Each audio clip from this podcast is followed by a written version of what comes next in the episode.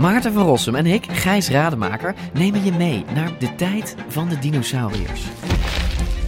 Ja, jij vindt het gemene beesten Het is gewoon eigenlijk. gemene beesten. Ja, Kijk, kijk naar ze. Beesten zijn niet gemeen.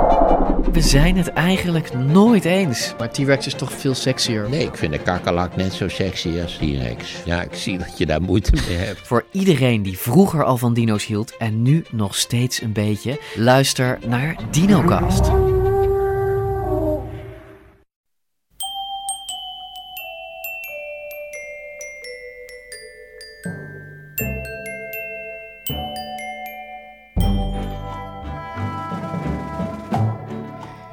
Welkom bij aflevering 414 van Echt Gebeurd, de podcast waarin mensen hun eigen waargebeurde verhalen vertellen.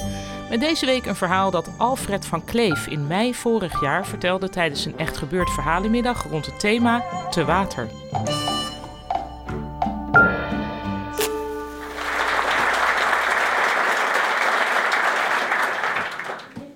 In die tijd liep ik met mijn ziel onder de arm. Relaties, dat was niet zo het punt. Die ging ik aan met leuke vrouwen.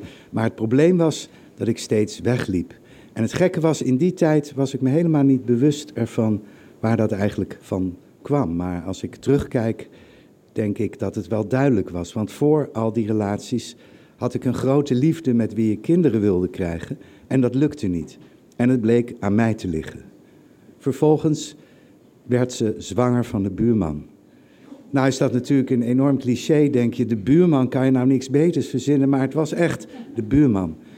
En onze relatie ging uit. Ik besloot dat ik iets heel extreems moest doen om weer tot mezelf te komen. Ik had een globe op mijn bureau staan en die draaide ik rond op zoek naar de randen van de aarde. En opeens viel mijn oog op een heel klein eilandje halverwege Australië en Afrika in het zuidelijk deel van de Indische Oceaan. En het bijzondere was dat eiland heet Amsterdam. En ik dacht, daar wil ik alles van weten. En ik vond uit dat het er 223 dagen per jaar regent. En zulke feiten verzamelde ik. En ik besloot ook een boek te gaan schrijven over Amsterdam. Amsterdam is een Frans eiland. De naam is gegeven door Nederlanders in de VOC-tijd. Maar de Fransen hebben er ooit een vlag geplant en gezegd: en nu is het van ons. En met nog twee andere eilanden, Crozet-eilanden en de Kerguelen, Kerguelen, vormt Amsterdam een Frans administratief district. En de hoogste baas van het eiland Amsterdam schreef ik een brief. En die hoogste baas was de administrateur supérieur du territoire des terres australes et antarctiques françaises. Een kantoorgebouw in Parijs met zeven verdiepingen. Die man kreeg ik nooit te spreken, maar wel zijn woordvoerder.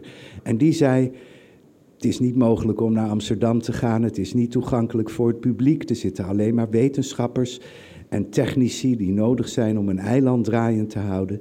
En bovendien zijn al die mensen Fransen. En voor buitenstaanders is het niet toegankelijk. En de administrateur superieur met zijn hele lange titel dacht dat de kwestie Alfred van Kleef hiermee beëindigd was. Maar het bleek het begin.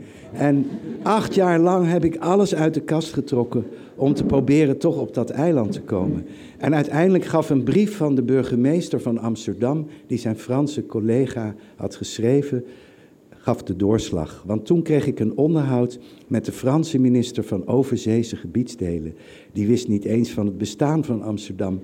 En hij dacht dat ik erheen kon vliegen, terwijl er is helemaal geen vliegveld. Het is heel klein, een 900 meter hoge vulkaantop. Er is geen haven en het is te ver voor een helikopter om het vanaf het vasteland te bereiken. De enige manier om er te komen is met een Frans pakketschip, zoals dat heet, dat vanaf het Franse eiland La Réunion bij Madagaskar vier keer per jaar de verbindingen met Amsterdam onderhoudt. En uiteindelijk mocht ik mee van die minister. En toen we aankwamen op het eiland Amsterdam, werd ik daar met een helikopter gedropt. Want alleen als het rustig weer is, kun je van een touwladder in een klein bootje klimmen. Maar uh, het waait eigenlijk op, altijd op Amsterdam. Dus dan moet het met een helikopter. De hoofdstad van Amsterdam bestaat uit een aantal barakken, een ziekenhuisje, een laboratorium, twee cafés en een winkel. Er verblijven maar 30 mannen. Ooit waren er ook vrouwen, maar een MeToo-achtige situatie op een van die andere eilanden leidde ertoe dat er alleen maar mannen waren. Dus als je een silhouet zag aankomen, wist je, ik ken hem en het is een man. En heel veel taken moet je dus met z'n allen verrichten.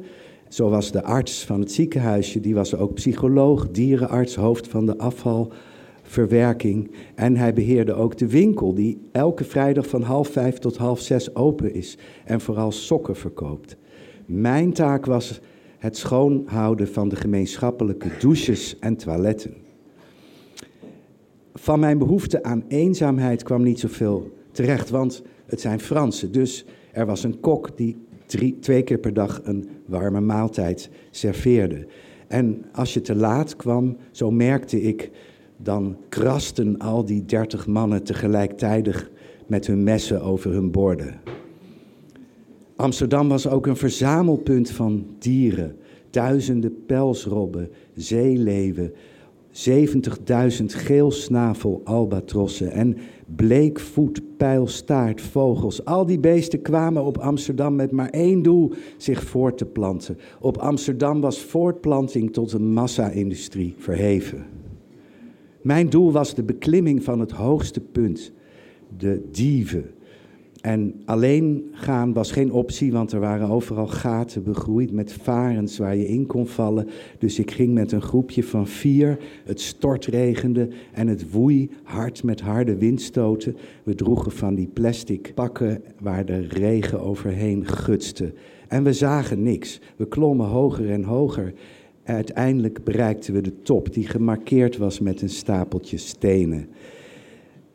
Er was niets te zien. We wachten 10 minuten, 20 minuten, drie kwartier en uiteindelijk keerden we terug via het Caldera-pad. Maar opeens was er één iemand in het groepje die zag dat de lucht openbrak. We keerden weer terug en we beklommen opnieuw, ik met mijn laatste krachten, de top. En nog steeds was het bewolkt, maar opeens leek het alsof iemand een gordijn opentrok en om me heen zag ik 360 graden zee, waarvan ik wist in alle richtingen gaat die 3000 kilometer verder door. Ik kan niet zeggen dat ik op dat moment opeens gelukkig werd, maar wel had ik het gevoel dat ik voor even weer grip had op mijn eigen leven.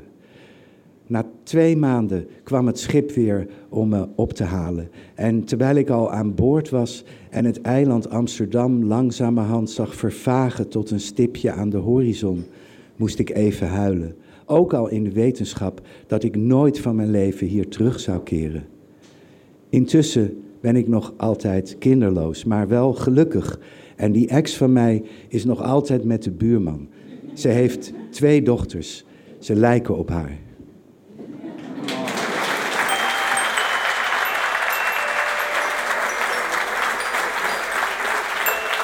Dat was een verhaal van Alfred van Kleef. Alfred is journalist en auteur. Zijn obsessie voor het meest afgelegen eiland ter wereld heeft hij in 1999 beschreven in het boek Het Verdwaalde Eiland, dat ook in het Duits en Engels is verschenen. In het Nederlands is het nu alleen nog verkrijgbaar als e-book of tweedehands natuurlijk. Echt gebeurd is een verhalenmiddag die iedere derde zondag van de maand plaatsvindt in Comedy Club Toemler in Amsterdam Behalve nu, want we houden nu even zomervakantie. De volgende editie is op zondag 17 september en het thema is dan Frankrijk. Heb jij een mooi waargebeurd verhaal dat zich in Frankrijk afspeelt of op de een of andere manier met Frankrijk verband houdt? Meld je dan vooral als verteller bij ons via het contactformulier op onze website echtgebeurd.net. Onze redactie bestaat uit Miga Wertheim, Renette Kwakkenbos, Tom van Rooyen, Ariane Hins en mijzelf, Pardien Cornelissen. Onze directeur is Hanna Ebbingen, onze geluidstechnicus is Jasper van Oorschot en Gijsbert van der Wal verzorgt onze wekelijkse podcast. Dit was aflevering 414. Bedankt voor het luisteren en troost jezelf met de gedachte: als je arts bent, kun je ook nog altijd een sokkenwinkeltje beginnen.